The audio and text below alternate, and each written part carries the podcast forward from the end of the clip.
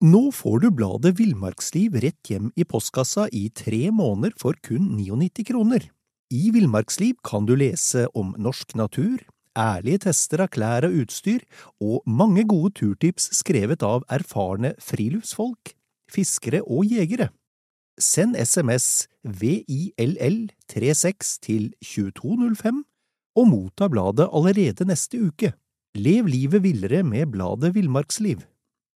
Imagine the softest sheets you've ever felt. Now imagine them getting even softer over time. That's what you'll feel with Bowl and Branch's organic cotton sheets. In a recent customer survey, 96% replied that Bowl and Branch sheets get softer with every wash. Start getting your best night's sleep in these sheets that get softer and softer for years to come. Try their sheets with a 30-night guarantee. Plus, get 15% off your first order at bowlandbranch.com. Code BUTTERY. Exclusions apply. See site for details.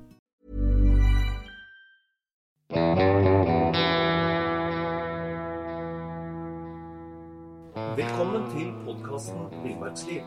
Mitt navn er Knut Brevik, og jeg er redaktør i Villmarksliv jakt og autofiske. I dag skal vi snakke om det perfekte haglskudd.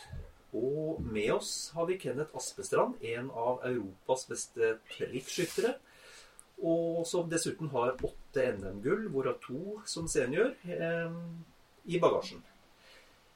Kenneth, hva er trikkskyting? Ja, det er vel eh, en skyteform hvor vi ikke gjør det vanlige du gjør på en skytebane. Eh, hvor vi altså kan eh, egentlig skyte akkurat hva vi vil på, med hagla, først og fremst. Vi kan holde hagla opp, ned, over huet, bak, fram. Altså alle mulige vinkler og variasjon. Kaste opp så mange duer du vil. Skyte egentlig på hva du vil. Det er jo ikke kun duer vi skyter på i et show. Vi blander litt salat og vi lager litt eggedosis og litt, litt forskjellig. Så ja. Um, det er nesten, nesten, vanskelig å forklare noen ganger. Det enkleste er kanskje å gå inn på YouTube og, og google litt, så finner du mange morsomme filmer. Ja. Showskyting. Showskyting, ja. Det er gøy. Det skal være humor, og det skal være underholdning for publikum. Det er ikke bare at man skal stå og vise at man er god til å skyte, men folk skal ha det gøy denne halvtimen eller 40 minuttene som man holder på. Ja. Og, og, for å drive med trikkskyting eller showskyting med hagle, så må du ha skutt enormt mye, tenker jeg. Ja, det, det blir sikkert litt som dem som skal bli OL-mester eller verdensmester. Så, så du må jobbe lenge med det og mye med det. Um, på normalt år så skyter jeg kanskje 30 000-40 000 skudd med halvautomaten. Ja.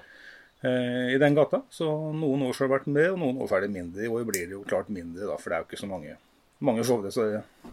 Nei. 30 000-40 000 skudd. Altså, Hvor mange salgsskudd tror du at du har løsna sånn, sånn, ja, Det er det mange, mange, som har spurt om. Jeg, jeg vet egentlig ikke helt. Uh, hvis du da sier en uh, 30 års tid, da, og 20 000 i snitt per år, så har du 600 000. Så det er, det er sikkert litt mer, men noe i den gata i hvert fall. 600 000 skudd, ja. Ja, det er, det er sånn minimums... Minimumstall? Ja. ja. ja. Hva slags våpen bruker du? På showa så er det Benelli. Ja. Uh, I dag er det kommet flere merker som sikkert kan hevde seg, men den gangen jeg begynte med det her, så var det egentlig kun Benelli som, uh, som funka til, til showa. De som var gode nok og holdt godt nok og var kjappe nok, og som trengte minst vedlikehold. Ja. Den er jo rekylrev og ikke gassoperert. Så jeg kunne jo skyte flere tusen skudd om gangen uten å måtte pusse. Og det er behagelig når du skal skyte 40 000 i men, men hvor, mange skudd, hvor mange skudd tåler et, et uh, våpen? Ja, De tåler nesten uendelig. For, ja. for en vanlig jeger eller vanlig skytter så holder de livet ut. Det, jeg leverte en i innbytte for noen år tilbake. Den hadde sikkert gått en 500 000-600 000. Den hadde gått altså minneskudd, pluss at den har stått på en på en bane med mye kursing og opplæring, og alle hadde skutt og testa den. Og den funka fortsatt. da. Så de holder nok livet ut for den vanlige, vanlige jegeren. Ja. Jeg er litt spent. Hva, hvordan starta dette her egentlig for deg? Jeg så Tom Napp på Eidskog, jeg tror det var i 93. Han var på NM der da. Og så veldig gøy ut, han holdt på med. Han kasta opp mange buer og plaffa nedi ikke sant? og hang opp noen ballonger. og Det var, det var masse show og amerikansk stil og stuk over det hele, så klart. Ja. Eh, så gjorde jeg ikke noe med det da. Fikk jeg gikk og tenkte litt på det, og så tok jeg kontakt med, med han som var importør av Benelli den gangen. Så møtte jeg han på messa på Sjølyst. Vi er så langt tilbake, så vi var fortsatt på Sjølyst. Oh, ja. Eh, Så fikk jeg en eh, god deal på en Benelli han. Og så begynte jeg å leke litt. Og så i 99 så ble jeg spurt om å holde et lite show på, på en ungdomskamp for Skjebberg Jeger Fiskeforening, tror jeg det var. Jaha. Og så gjorde jeg det, og så har ting egentlig bare balla litt på seg etterpå. så har det blitt en levevei. Ja. Så Eh, Men, men så- sånn enda lenger tilbake, husker du når du skjøt ditt første haglskudd? Nei, ikke første, men jeg husker første gang jeg var på en levebane. Ja. Ja, jeg hadde sikkert skutt noen skudd hjemme før det, men jeg husker første gangen på levebane. Ja, jeg tok eh, Jeg var i forbindelse med jegerprøva. Vi hadde det som valgfag på skolen i 8. klasse. Så det husker jeg veldig godt, og det gikk veldig veldig bra. Det var derfor man fortsatte, da. Så jeg tror eh, vi skulle skjøtte 20 skudd. Jeg fikk 18 av de 20. Det var første gang jeg var på en levebane. Så det var sånn Da var det på en måte litt gjort, da. Ja, det skjønner jeg. Ja. Men hadde du trent noe? Hadde du fått noe instruksjon på forhånd da? eller? Nei. Nei. Nei. Men jeg hadde jo skutt miniatyr i flere år, da, så jeg visste jo hva skyting og holdt jeg på å si, men det blir jo noe helt litt annet. da, men eh, Det var ikke sånn kjempekomplisert. Jeg husker vi, altså, Selv om det er lenge siden, så husker jeg fortsatt at vi satt eh, kasteren rett fram, stort sett ti rett fram du, og så var det ti variable duer etterpå. Så det er klart, fant du den rett fram du, så hadde du jo ti du med en gang. Ja. Du, du, du får det til å høres enkelt ut. ja. Så ja, det var sikkert litt, litt heldig og litt naturtalent der, da. Men, men sånn, som, sånn som jakt og våpen, er dette noe som ligger i familien fra Ja, ja. Formen min har vært DSF-skytter. og Jeg husker godt bestefaren min, eller farfaren min også, var, eh, var god til å skyte. Så det er eh, sikkert noe, noe øyeblikk. Og jeg har fått eh, en, en sønn, holdt jeg på å si, som, som gjør det bra i det han holder på med. Det er ikke skyting i den forstand, men litt à la det samme. Så sikkert noe øyeblikk med Ja. reflekser og litt forskjellige, kanskje. eh, det, det de fleste haglejegere lurer litt på, det er jo eh, Det er jo eh, valg av våpen. Eh, og, og hva Når målet er å treffe, holdt jeg på å si, som det jo bør være når man jakter med hagle, Mhm. hva er viktigst å tenke på når du skal velge våpen? Ja, men hvis du ikke tenker pris, da, så, så, så er klart tilpasning er, det- er fint. Men eh, hvis du tar i forhold til hvis du begynner med eh, over, under, og side og side og halvautomat og sånn, så ville jeg alltid valgt en over under hagle. Ok, Eh, det er et bedre siktebilde, og du, den tar opp rekylen på en bedre måte enn en uh, side om side. Ja. For det er, det er, hvis du skyter på underste pipa først, så får du rekylen lavere i våpenet, og da vil du oppleve at du- våpenet gir mindre rekyl enn en CMC, side, som du har begge løpa på toppen på en måte. da. akkurat. Ja. Så det ville jeg valgt. Og i forhold til over under og en halvautomat, så ville jeg også gått for en over under. Ja, For den halvautomaten er litt mer sånn Den er veldig fin å skyte med, veldig lite rekyl, og alt det der er fint. Men sånn for en førstegangsjeger, første gang med våpen, i forhold til det her med å knekke et over under våpen, mm. og du ser at den er tom og ufarlig og sånn, eh, enn å håndtere en halvautomat med sluttstykke som skal i bakre stilling, og hvor skal du ha patronene, skal de ut og inn hver gang, og alle disse tinga. Mm. Så akkurat første gangen så ville jeg kjøpt en over under. Ja. Det ville jeg gjort. Sikkerheten er viktig. Sikkerheten er viktig, absolutt. Og det blir det bare mer og mer fokus på. Heldigvis. Så, Når det kommer til det her med, med lang eller kort pipe Rekrutten er jo ferdig forbrent lenge før pipelengden på alle standard hagler. Så, så det er mest med pekeevnen og balansen i våpenet. Og det er klart at Jo lengre pipe du har, til bedre er det å peke med. Mm. Um, men, men samtidig så går det jo ikke å dra med seg pipe på en 80 cm på jakt. For den, du skal jo ha den med deg. Du skal jo ut og inn av en bil, og du skal jo ta den med deg terrenget. og, og tyngden blir også tung da. Så standard mellom 65 og 72 eller et eller annet sånt. Jo, altså det har med høyden på personen å gjøre det her òg, da. Så er du klart er du 1,90 eller 2, 2 meter, så skal du ikke ha 60 cm pipe. For det, det blir for kort og for veivete eller så vinglete for deg. Akkurat. Ja. Så, men det her ser jo også han i butikken. da. Han, eh, de aller fleste er oppegående der, så det er ikke noe, det er ikke noe farlig. Og eh, hvis vi tar dette her med, med, med vekt, så er jeg heller ikke noe glad i mm, lettvektsmodellene. Nei. Spesielt kanskje ikke på jente- og juniormodell, hvor det, rekylen da blir mye, mye hardere. Ja. Så mm, engelskmann har alltid sagt at det våpenet skal veie 100 ganger granvekta på patronen din for at den skal være behagelig å skyte med. Så har du en 32 grams patron som skal børsa veie 3,2 kilo. Da er den behagelig å skyte med. Så kjøper du da altså en 2,6 kilos lettvekter, så og du er eh, lite, liten av ja, i bygget fra før, da, så er det, er det ubehagelig å skyte med. Og da skyter du mindre, du skyter dårligere. Ja. Blir du instinktivt litt redd òg, da? Ja, utvilsomt. Når det gjør vondt, så skyter du ikke godt. Og Nei. du skyter med mindre. Det er ikke noe gøy å reise på lederbanen og trene hvis du vet det gjør vondt du får en blå skulder. Klarer du å løfte 2,7 kg, så klarer du å løfte 3,1 òg. Så får du en helt annen skyteopplevelse. Så 100 ganger patronladningen, Det er sånn Røffelig. røffelig, ja. Ja. Veier børsa 3 kilo, så er du good to go. Men, men sånn, de helt, helt super lettvekterne er ikke behagelig å skyte med. Nei. Nei. Spennende. Hva med, hva med kaliber, da, Kenneth? Nei, Det er jo 12 som går i gjelder, for det er der du har størst utvalg i ammunisjon. Eh, Jeg tror egentlig 16 hadde vært en kjempefin jakkaliber, men da er det jo så å si tomt. Ja. Men øh, 20 er jo helt suverent for fuglejegeren, for der, da får du ned vekta, og rekylen er jo ikke så slem, så det er klart at skal du kun på, på fuglejakt, så er 20-kaliberen fin, den. Mm, mm. Bare for å spørre om det. Jakter du, forresten? Litt, ikke så mye lenger. Nei. Jeg har jakta noe. Jeg har hatt okay. en, hatt en Gordon-setter og har jakta litt, eh, litt fugl og vært litt heldig å få vært med på noe fasanjakt og sånn i England noen ganger. Men eh, Ja. sånn kjempemye er det ikke. Men, men altså med hagla, da. Jeg jakter mye mer med, med rifla, da. Med både elg og villsvin og den biten vi har her nede. Ok. Ja, hjorten har jo kommet for fullt. Og, Ja, ja. Du, sånn av rein nysgjerrighet. Hendte det at du bomma på jakt? ja. Det har hendt mange en gang. Det, det har det gjort. Og jeg eh, jeg kan jo ta en story som er det 25 år tilbake, da. Så eh, får jeg vel ikke kjeft for den i dag. Men eh, da satt jeg i hvert fall med Benellin. Den gangen så gikk det åtte skudd i Benellin. Så var jeg og en kompis på, på andejakt. Så sitter vi i båten hans, og så Jeg vet ikke jeg lå med mer enn to skudd, men den gangen så var det liksom ikke sånn kjempefarlig.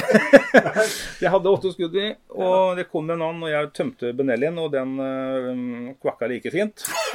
Og han kompisen min reiser seg opp og skyter ett skudd, og den er stein døv og detter ned. Da var det nesten så jeg senka Benellin. Og jeg har hørt den i 20 år etterpå, da. Og dere er venner vi er veldig gode venner, så det går helt fint. Men, men, men jeg tenker Du hadde helt sikkert skutt mye på den tida òg. Vet du når du bommer, hva du har gjort galt? Ikke alltid, men stort sett så vet man det. Ja. Men noen ganger så klemmer man seg litt i huet på hva som skjedde. Ja. Men, men du får jo en god følelse etter hvert som du har skutt mye. Ja, ja. Så, så vet man jo nesten alltid i hvert fall hvor skuddet går. Men, men øh, hvis vi er på en vanskelig øh, sportingbane da, med noen duer som du ikke har sett før, sånn, da er det ikke alltid man forstår det. Da er det fint å ha en som står bak og som forteller deg hvor, hvor du bommer. For da Ja. kan du fikse på det etterpå. Vet du nå i dag hva du gjorde feil den gangen under en andejakt? Jeg er nesten sikker på at jeg skjøt bak. Jo, skjøt bak, Ja, Ja, nesten sikker på. Det Jeg har skjøt alle skudda i samme øh, halvmeteren bak, vil jeg tro. Hva, når det gjelder patroner, um, hva tenker du om jaktpatroner? Hvis vi, nå, hvis det går da til fuglejakt eller andejakt og sånn, så fant vi vel ut eh, Syns iallfall jeg da at en rask patron med mindre hagl var bedre enn en tung ladning som ikke gikk så fort. Ja. Ja, for Får du noen skudd med gjennomtrening, så er det, eller hagl med gjennomtrening, samtidig så foranholdet blir jo mindre raskere patron du har. Så en kjapp, eh, rask patron på en eh, ja, 30-32 gram i stedet for en 40-50 gram var det i hvert fall det som funka best for oss. Ja. ja. Så du er ikke så For, for det, er jo, det er jo en del som sverger til disse tunge magnum... eh, Ikke noe tilhenger i hele tatt. Det er eh, dyrt, og det gjør vondt å skyte med. Og jeg tror ikke du får ned så mye mer. Nei. Nei. Eh, når, det kommer til, det kommer til trening veldig mange, veldig mange haglejegere, meg, meg sjøl inkludert, oppfatter jo at vi er for dårlig trent i forkant av jakta. Burde trent mer. Altså, hva, hva vil du anbefale som treningsmessig? Både i forhold til tørrtrening og trening på bane? Ja, hvis du begynner på tørrtreninga, så er det en enkel ting som er helt gratis. Um, og det tar deg kun to, tre, fire, fem minutter. Hvis du stiller deg foran speilet og gjør en montering og ser da mot speilet at anlegget ditt er rett, gjør du det to-tre minutter to ganger i uka, i løpet av et par måneder så er du mye bedre skytter, for da sitter monteringa. Og da går den mye fortere, og den er mye mer sikker. Og hvordan skal det se ut i speilet da, Kenneth, når en montering ja, da, skal du, da skal du se at pupillen din er da flykter rett over eh, siktet, da, altså kornet. Sånn at du, ikke pupillen din er til høyre eller venstre, for da er det jo enten Kastoff eller kastom som er, er skjev. Og så fint om du ser bitte litt av hele skinnet.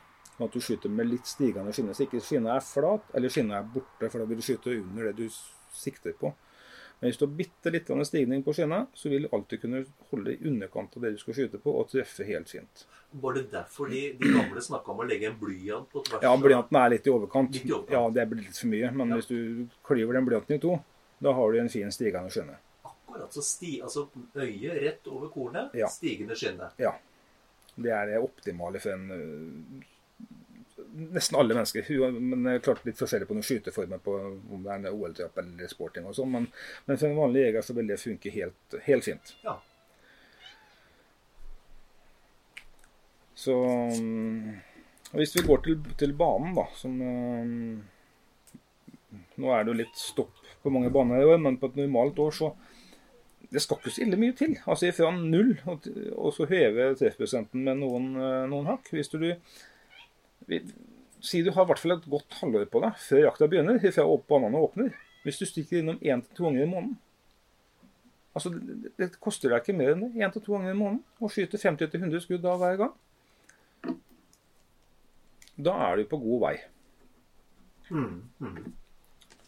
Det ville, det ville hjulpet mange. Og nå er det jo snakk om, så klart, det har vært i mange år at vi har hatt disse treningsskuddene på på storviltjakta. Og det er ikke helt utenkelig at den også kommer på, på hagleskytinga. Det er egentlig rart han ikke har kommet spør du meg. Mm. Et krav til treningsskudd. Kanskje ikke treff ennå, men i hvert fall krav til et visst antall treningsskudd. Så én til to ganger i måneden, 50 til 100 skudd, da snakker vi om en ja, 500 til uh... 1000 skudd, f.eks. Ja. Hvis du gidder å ta den jobben. Og det er jo gøy òg. Ja. Alle har det jo gøy. Mm. Er, så vidt jeg vet, så finnes det ingen skytebane i Norge da hvor du ikke får hjelp om du spør om hjelp. Alle er velkomne. Mm. Det er et veldig inkluderende miljø. Om du er ung, gammel eller nybegynner eller erfaren, så er det, det er et inkluderende miljø. Alle, det er plass til alle. Mm. Så, det er et veldig hyggelig miljø? Ja, det er kjempemiljø. Det er helt unikt, tror jeg. Så kom innom. Men, men, hva vil du si, sånn, og det her veit jeg varierer jo fra menneske til menneske, men Um, hvis, du, hvis, du, begynner å skyte et, et halvt års tid i forveien, som du sier, én til to ganger i måneden, 50-100 skudd, um, hva, vil du, hva, vil du, kunne treffe da på en, på en 25-serie? Det er veldig individuelt igjen også. Og det er litt med både holdt jeg på å si, dagsform og alt mulig. Men du vil, hvis du legger litt jobb i det på en vanlig jegertrapane, så kommer du deg fort opp på 7 20 i alle fall. Altså Du ser dette totallet, og da er du, da er du good to go, liksom. Ja. ja. Men hvis du står og får fem og åtte og ni på en god dag, da er det klart at da vet du ikke alltid hvor den haglesvermen går. Men skyter du rundt 20, så er det, da er det jo fint. Ja. ja alle bommer jo, så det er jo ikke det. Mm. Mm. Og når det, når det, gjelder eh, Du nevnte jo det selv, at du får som regel hjelp på en, på en bane. Hva, hva, hvis vi kan snakke litt om de vanligste årsakene til at vi bommer? Ja, det er vel to-tre hovedting. Det er en monteringsfeil. Eh, og Da gjør det ofte at vi, at vi skyter over, at vi ikke har godt, godt, nok anlegg. Så ser vi kanskje på målet, og vi ser så vidt tuppen på pipa, men så peker den mye mer opp enn hva vi oppfatter i skuddøyeblikket, og så skyter vi for høyt. Vi skyter over det vi sikter på. Okay. Og er det et sideskudd, så skyter vi bak. Det er de to hovedfeila som, som, går igjen, uansett om det er på reveskyting eller på jakt. Så, over eller bak? Over eller bak. Det er nesten det er antall bom foran tror jeg er under 1 ja, ja. ja, Vi klarer aldri å holde nok foran så vi bommer der. Da, da, må du gjøre det bevisst. Altså med vilje. Så Spesielt da på en, på en fugl som eh, med litt avstand. Det er vanskelig å bedømme avstand i, et terreng noen ganger. Det er ofte litt lengre enn hva vi, hva vi tror. Da blir foranholdet Vi må langt fram også. En Haglepatron er saktegående. Det går ikke så fort. Det er ikke riflekule, det her. Så der, der ligger nok de aller fleste bommene. Ja. Og dette med, dette med monteringsfeil. eh, Det, du, har jo, du har jo tipsa om det her med speilet. Speilet er det, det, det er nesten det beste. Ja. Eh, Det er nesten altså, For, for det, er det, det tar så kort tid. Du, du går og steller deg foran speilet på badet eller hvor som helst. Du gjør det to minutter på en ganger i uka. Og så etter noen uker så, så vil den monteringsfeilen være borte. Men, men det her med, med skjefte, for det er jo en vitenskap i seg sjøl. Det er å skrive bøker om hvordan man tilpasser osv. Altså, hvor viktig er det, syns du? Det, det er klart det er viktig. Eh, og, men igjen så jeg tror kanskje ekstra viktig for han OL-skytteren som skal ha den siste du er for å vinne OL-medalje. Eh, hvis du er standardbygd og kjøper standard hagle, så passer den sånn tålelig sånn ish. Det vil alltid være avvik. Ja. Eh, men, men en standard hagle passer jo Den er jo laga til en standard mann. Ja. Eller kvinne, for den saks skyld. Så bare kanskje det viktigste er at ikke kolben er for lang. For da blir monteringa alltid feil. Eh, og så står du jo på Lerdebanen nå med kun en T-skjorte eller en skytevest på deg, og så kommer du til høsten, tar på deg en eh, ullgenser, jakke, kanskje en ryggsekk, og så er du bygga på halvannen-to centimeter med, med klær på utsida. ikke sant? Og det blir noe helt annet. ja, det blir noe helt annet. Så mm, heller en halv centimeter for kort enn for lang eh, kolbe, for det, det blir feil. Men, men hvordan, eh, hvordan eh, Du at du kan spørre i butikk, og du kan få hjelp av kompetente Ja. folk, men, men, men hvordan, hvordan merker vi at, at kolben er for lang? For først den jo kanskje fort, fort et tak, da. eh, Klær under armen osv. Og så vil du monteringa eh, med kjaken din på kolben vil havne på feil sted. eh, I forhold til hva den er bygd for, eller hva jeg skal si. da. Ja. Så, så mm, du vil igjen skyte mm, bom da, for, for at den er for lang. Og så, han blir uhåndterlig. Så skal jeg forklare det her på en fornuftig måte. For Tidligere så hadde det vært råd om å legge ned Ja, den, er veldig individuell. Eh, armkroken, holdt jeg på å si. Ja, ja. Men, men det, det passer sånn ish. Men, eh, men eh, eh, prøve, Prøveskyt, holdt jeg på å si. Det, det er mange importører da som har vært eh, på veien og reist rundt og besøkt x antall skytebaner det siste året. Og det er klart at det har vært en gyllen mulighet for dem førstegangsjegere og dem som har lyst på ny hagle, å teste, teste våpenet. Så, så er det mulig til å få testa, så få gjerne gjort det. Og har du et våpen hjemme, så kan du måle lengden på den. da. Ja. Eh, og hvis den passer, så ber du om det samme når du kjøper en ny. Og passer den ikke, så ber du om det du vil ha. Men de, de aller fleste i butikken de, er det, og de ser jo også det her, da. Så, så en eh, 35,5-26 cm eh, passer sikkert til veldig mange mm, jegere da, i lengde. Ja. Men, men det blir vanskelig å si et sånt tall her nå, for det er, vi, er, vi er så individuelt Ja. bygd. Så ja. Men her får man altså Det som er igjen av norske våpenforretninger i dag, er jo ganske proffe. så det, Ja. Du er uheldig hvis du får en som ikke hjelper deg med det. Ja. Ja. Uh, greit. Uh, speil, altså. Og, og være obs på lengden på kolben. Uh, hva, med, hva, med, hva med høyden på kolben? Ja, da er vi tilbake til det med så vidt stigende skinne. da. Ja, hvis du klarer å få til det, så har du en perfekt kolbe. nettopp. Eh, og det, det er klart det er justeringer som må til på mange, eller for mange der. Og, men det er jo i dag så fikser de aller fleste butikkene det. det tilpasning av blitt, har blitt ganske vanlig. Jeg husker første hagla jeg kjøpte masse det sjøl, liksom. Ja vel. Ja. Den var litt for høy, og vi ga oss på med høvelen, og det var liksom eh, Det så nesten litt fælt ut på børse til, eh, til 20 000 for det 30 år siden, men hva skulle man gjøre for noe? Den var for høy, så det var eh, Den spikka vi ned sjøl. Ja, det, i hvert fall, det, og, det, og det er jo viktig. For veldig mange opplever jo at når de har skutt, eller, eller kjøpt en ny hagle, at de er nødt til å investere masse penger for, for å tilpasse nøyaktig. Men det du sier, er at i hovedtrekk så er haglene tilpassa en standard mann Ja. eller kvinne. ja. Sånn i hovedtrekk. Det vil alltid være avvik, men, men passer jo Hvis vi går til automaten, da. eh, Så veldig mange halvautomater da, i dag de har jo, får jo med skims. Som du setter, som du enkelt kan bytte sjøl. Som sitter mellom kasse og kolbe. Da kan du justere opp og ned på høyden noen, noen få millimeter. da. Ja, ja, ja. Ja. Så der har du en fordel på, på automaten. da. Og så er det og så er det det andre hovedårsaken til at uh, folk bommer. Dette med, at- dette med at skuddet går bak. Det er det mest vanlige. Og det, det er kanskje et par årsaker til at du skyter bak. Det første er at du, du, du holder rett og slett ikke langt nok foran. Du sikter på målet i stedet for å sikte foran målet, som du må mange ganger for å treffe. Noen ganger så må du kanskje skyte en meter, halvannen meter bom foran for å treffe. Eh, nummer to er jo at du stopper bevegelsen Ja. I, i svingen din. Og det skjer i det øyeblikket som du titter ned på kornet. Du ser på fuglen du skal skyte på, eller dua. Og så titter du ned på blikket ditt etter lite lite tidel ned på kornet for å se at du ligger på et sted. Og da stopper bevegelsen idet du titter ned på kornet. For da ser du egentlig på en ting som står stille. Det kornet står i utgangspunktet stille. Ja. Og du slutter å følge fuglen eller dua som er i bevegelse med blikket. Da svinger du lettere med. Idet du ser bort fra det, så stopper svingen din et lite sekund. Og da skyter vi bak. Men, men hva, hva skal man gjøre? Er, er, det kun mengdetrening av automatikk? Ja, der er det nok mye det som må til. Og det, vi, vi gjør det jo også, vi som har holdt på med det her hele livet, vi gjør jo fortsatt den samme feilen, men vi gjør den ikke så ofte lenger som vi gjorde til å begynne med. Så, så der må du bare skyte og skyte og skyte. Og det. Og, det, og så må du stole da på at hagla passer, da. Sånn at du ikke tar blikket bort ifra målet du skal skyte på. Ikke se ned på kornet. Kapp av det kornet hvis du er nær veien for det. Du skal rett og slett være så sikker på at våpenet ligger riktig, at du glemmer kornet. Ja, glem pipa, glem kornet alt sammen. Hold kun blikket på det du skal skyte på. Ja.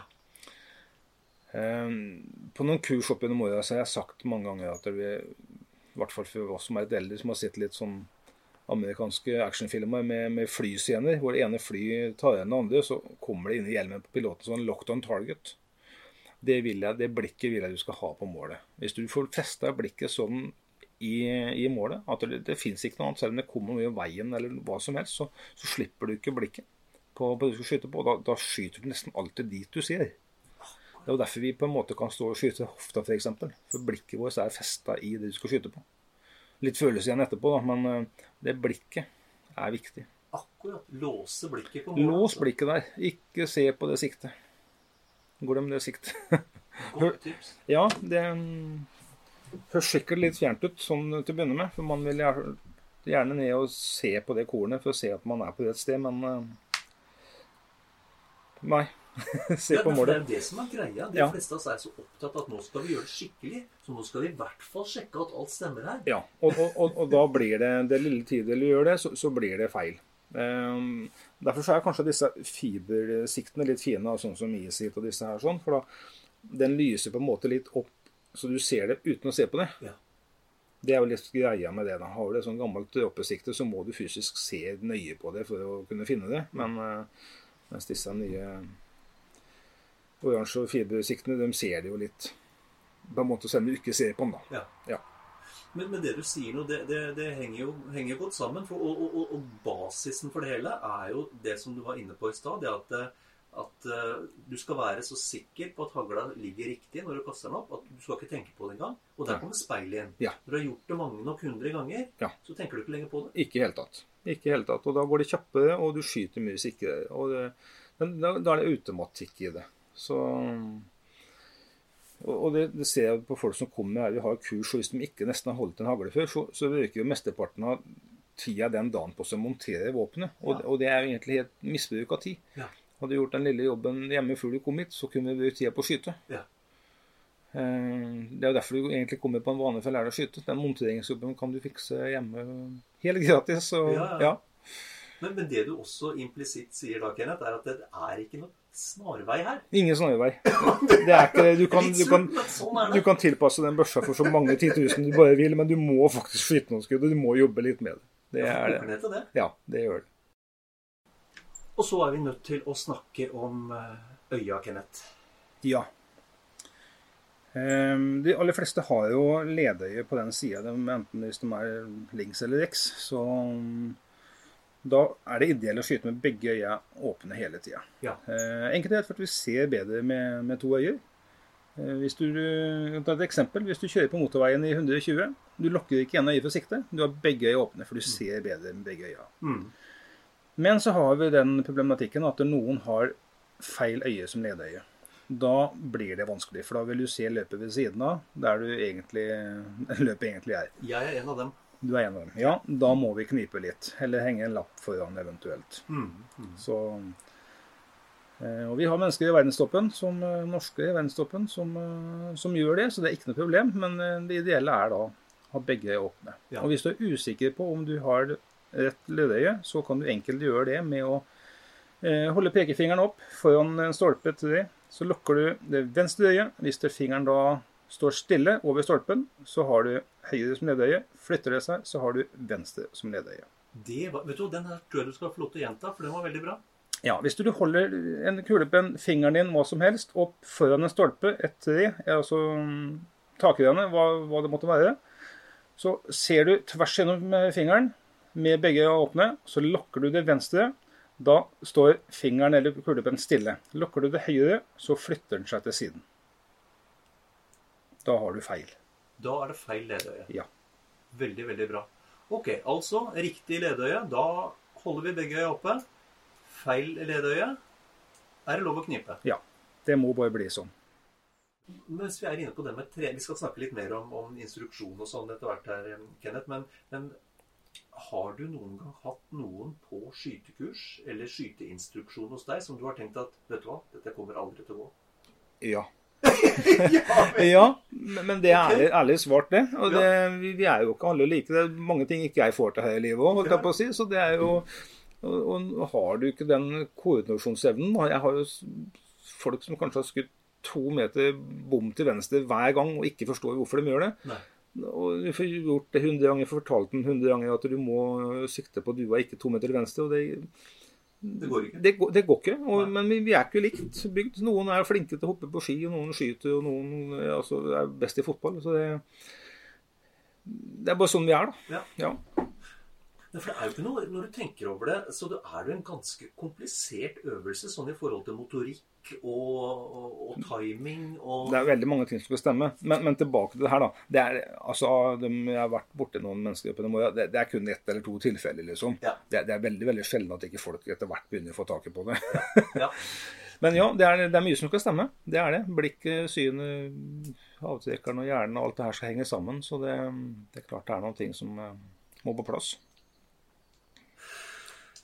Da, da jeg eh, Og jeg er en svært svært middelmådig hodedskytter. Men da vi begynte å skyte med hagle, så eksisterte det flere teorier. Det var, eh, så, så Vi leste jo at øyet ble stort og vått, og du skulle trekke gjennom, og det var fast foranhold, og det var foranhold med bevegelse, og det var ikke måte på.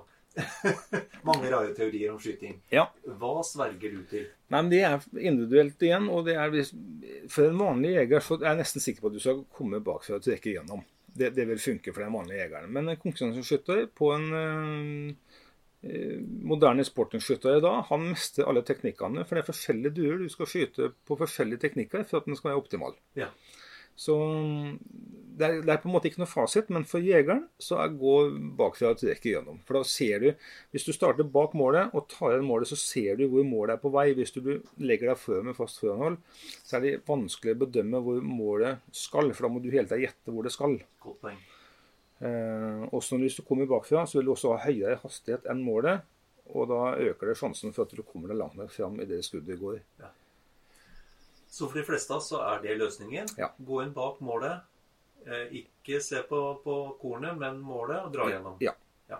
Det tror jeg funker best for de fleste. Når du, det det her med instruksjon eh, Når du har folk som meg eller andre som er litt for dårlige til å skyte, og som kommer for å besøke deg her på, på banen din i, i Armark um, Hvordan legger du opp en dag da? Det er også veldig individuelt. om det kommer, altså Jeg tar imot én om gangen hvis du har lyst til å komme alene. Ja. Eh, Så jeg kjører ikke noe sånn felles oppsamlingsheat eller sånn. Men eh, er du én, eller det kommer to, eller en vennegjeng på fem-seks, det er vel liksom der limiten min ligger. Ikke ha noe særlig flere enn fem-seks om gangen, for da, da blir det sånn lenge å vente. Jeg står og snakker litt med hver igjen. Ja. Så, så kjører vi det, skyter vi noen skudd først, og da ser jeg litt hvor eh, på en måte hvor det, nivået ligger på hver en enkelt. Og så skyter hver en enkelt due ut fra det nivået resten av dagen. Så Ja. det er ikke nødvendigvis at vi skyter på de samme duene etterpå. Nei. Eh, eller på den samme måten. Så, og da skyter vi ca. 100 skudd Ja. på en kurs. kursdag. Ja. For da, noe særlig mer har ikke noe hensikt, for du, blir så metta på informasjon og du blir sliten og tung i huet. Så ca. 100 skudd. ja. Og da går du inn og korrigerer etter hvert. skudd? Ja, hvert skudd. Står bak hele veien. Justerer på hvert skudd.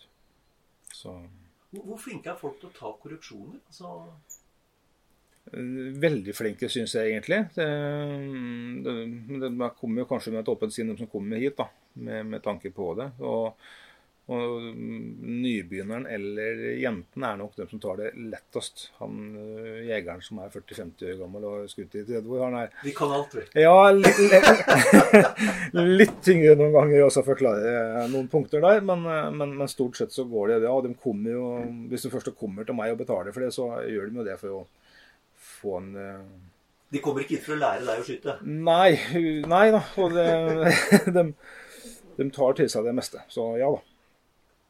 Det går fint. Og da er det, da er det i løpet av én dag da er det, er det målbar progresjon? Ja. Ja. Det er det veldig. Uh...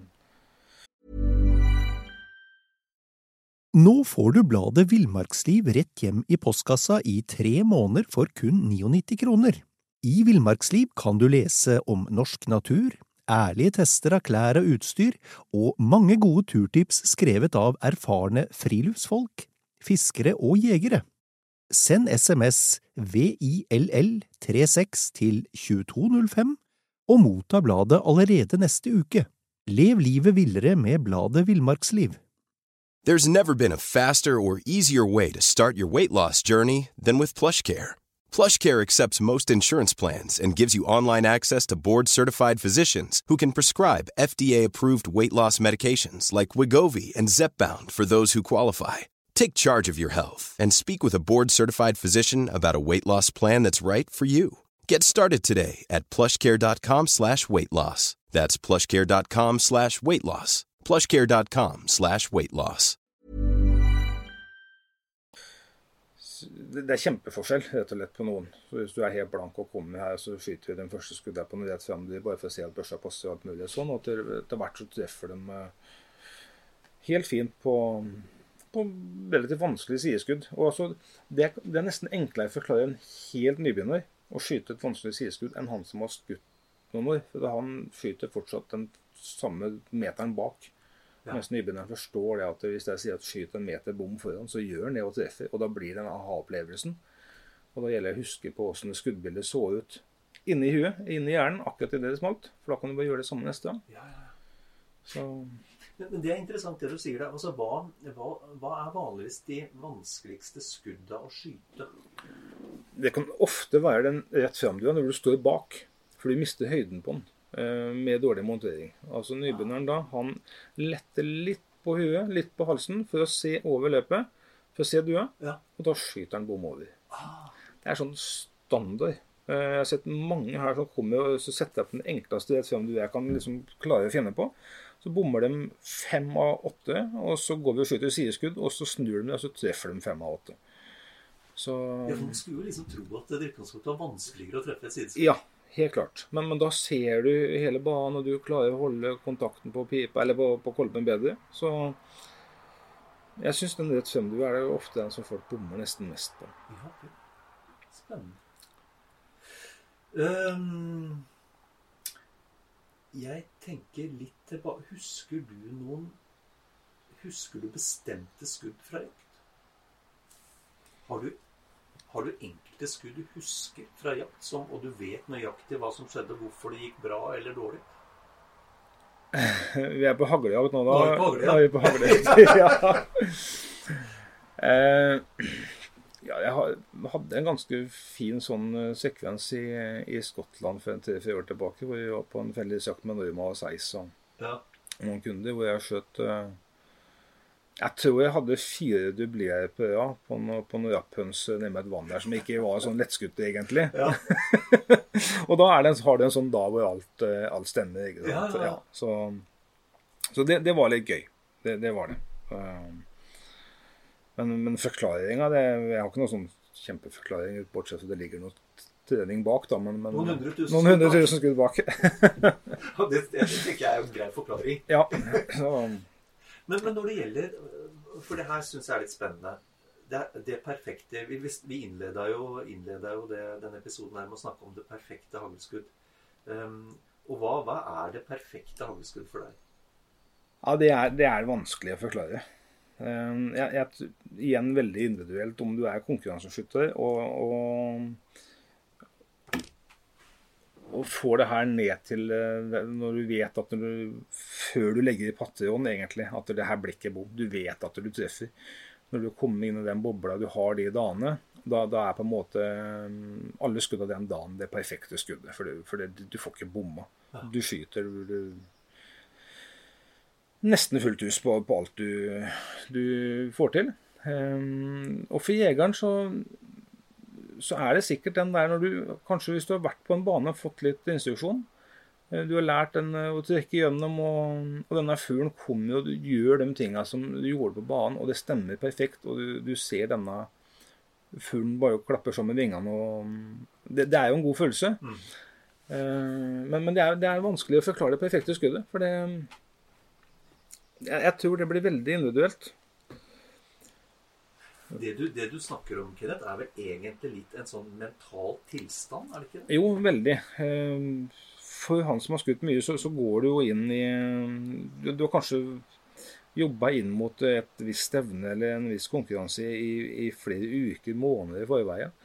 Uh, og den mentale og delen er kjempeviktig. Det er det, er jo, hvis du, Alle har jo sett på skiskyttere, de snakker om det mentale. Og, eh, og sånn er det med all skyting. Hvis du ser på de som ligger på landslaget, eller kongelaget på landsskytterstevnet, det, det, er en mental påkjenning. Eh, selv om ikke vi har det kameraet så tett opp i ansiktet, så, uh, så er det veldig mentalt. Og det, når du kommer i en boble, så, så bryr du deg på en måte ikke om det kameraet. Du bryr deg ikke om at det står folk bak og ser på, eller at det sitter en spiker og kommenterer eller om det blåser litt og du har hoppet litt. Du er, du er, så fokusert, og du vet at alt stemmer den dagen. Ja.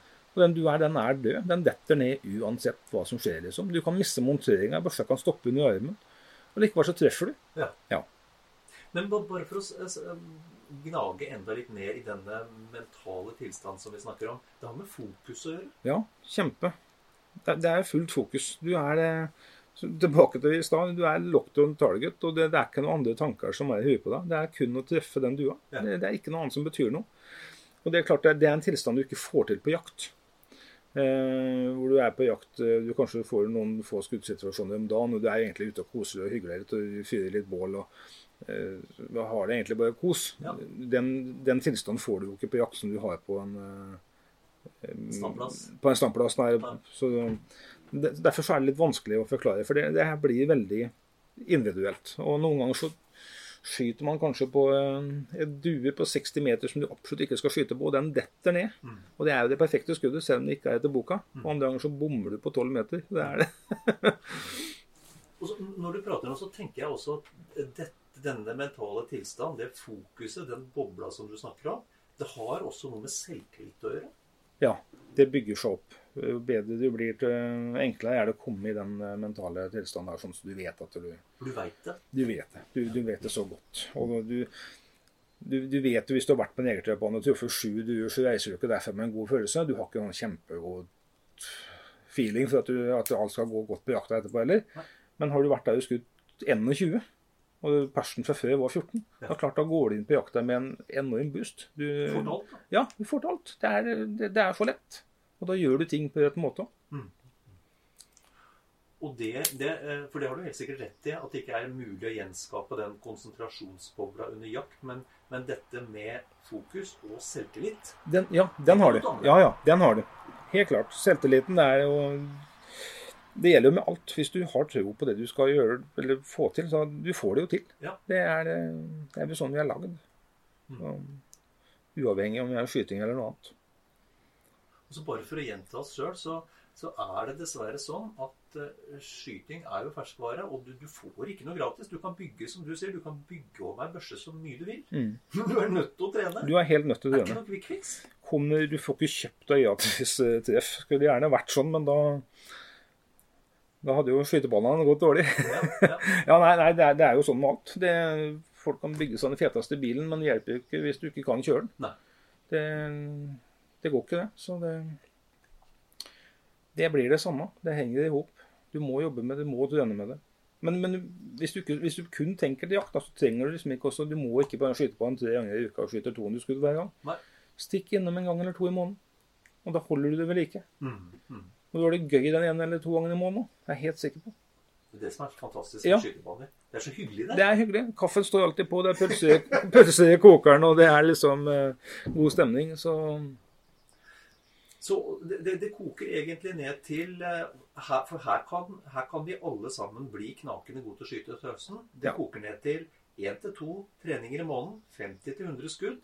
Gjerne med instruksjon. Um, og, og, tenke på dette du har snakka om, eh, Kenneth, med, med, montasje. At øyet skal ligge riktig. Du ser det i speilet. Skal ligge over, over kornet med litt stigende skinne. Litt stigende skinne, og, og, flykter da rett med kornet. Ikke på en av sidene, men midt på. Så og, altså Er det en millimeter til høyre eller venstre, så har heller ikke det noe å si. Den haglesveimen er relativt stor også. Ja. ja. Så vi, vi, skal ikke skyte tiere på 200 meter her. Vi har, ganske, vi har ganske mye å gå på. Så. Og når du kommer ut i skogen, tiuren letter, starter bak, dra igjennom. Ja, det er jo ikke alltid du kanskje får tid til det en gang på tidligere jakta. For det, det, går fort, det, går noen, det, går fort noen ganger. Så, men i, da er vi tilbake til den monteringsfasen. Hvis du har lært deg å montere børse, så, så, vil du alltid peke dit du ser med sammen montert. Ja. Og da kan du også avfyre skudd dit. Hvis monteringa ikke er på plass, da er den tiden borte før du får montert. Ja, For du, du har jo ikke lenger tid enn det. Nei. Men har du gjort denne jobben hjemme foran speilet, så rekker du å få montert, og da er det mye større sjanse å få avfyrt et skudd. Ja. Uh, bare sånn helt avslutningsvis. Uh, de som, som, er interessert i å komme og få instruksjon av deg, hvordan, hvordan kommer de lettest i kontakt med deg? Uh, ja, du, du, kan ringe meg da på 9077 85 00. Så finner du meg på Facebook, så klart. Ja. Et par sider der, både en privat og en sånn skytemessig side. Ja, Bare å søke på Kenneth Aspestrand? Ja mm. dukker det opp. Og hvis alt vi nå har snakka om, skal munne ut i ett eneste konkret råd til norske jegere før jakta, Kenneth, hva blir det? Ta en tur på bane til igjen. Bra råd. Jeg tror vi sier det var det. Takk for praten.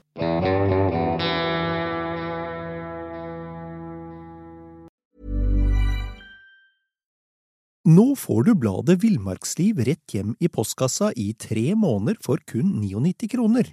I Villmarksliv kan du lese om norsk natur, ærlige tester av klær og utstyr, og mange gode turtips skrevet av erfarne friluftsfolk, fiskere og jegere.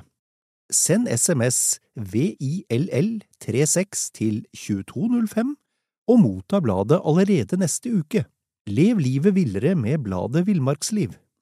Planning for your next trip? Elevate your travel style with Quince. Quince has all the jet setting essentials you'll want for your next getaway, like European linen, premium luggage options, buttery soft Italian leather bags, and so much more. And it's all priced at 50 to 80% less than similar brands. Plus, Quince only works with factories that use safe and ethical manufacturing practices. Pack your bags with high-quality essentials you'll be wearing for vacations to come with Quince. Go to quince.com slash trip for free shipping and 365-day returns. Even when we're on a budget, we still deserve nice things. Quince is a place to scoop up stunning high-end goods for 50 to 80% less than similar brands. They have buttery soft cashmere sweaters starting at $50, luxurious Italian leather bags, and so much more. Plus, Quince only works with factories that use safe, ethical, and responsible manufacturing. Get the high-end goods you'll love without the high price tag with Quince. Go to quince.com/style for free shipping and 365-day returns.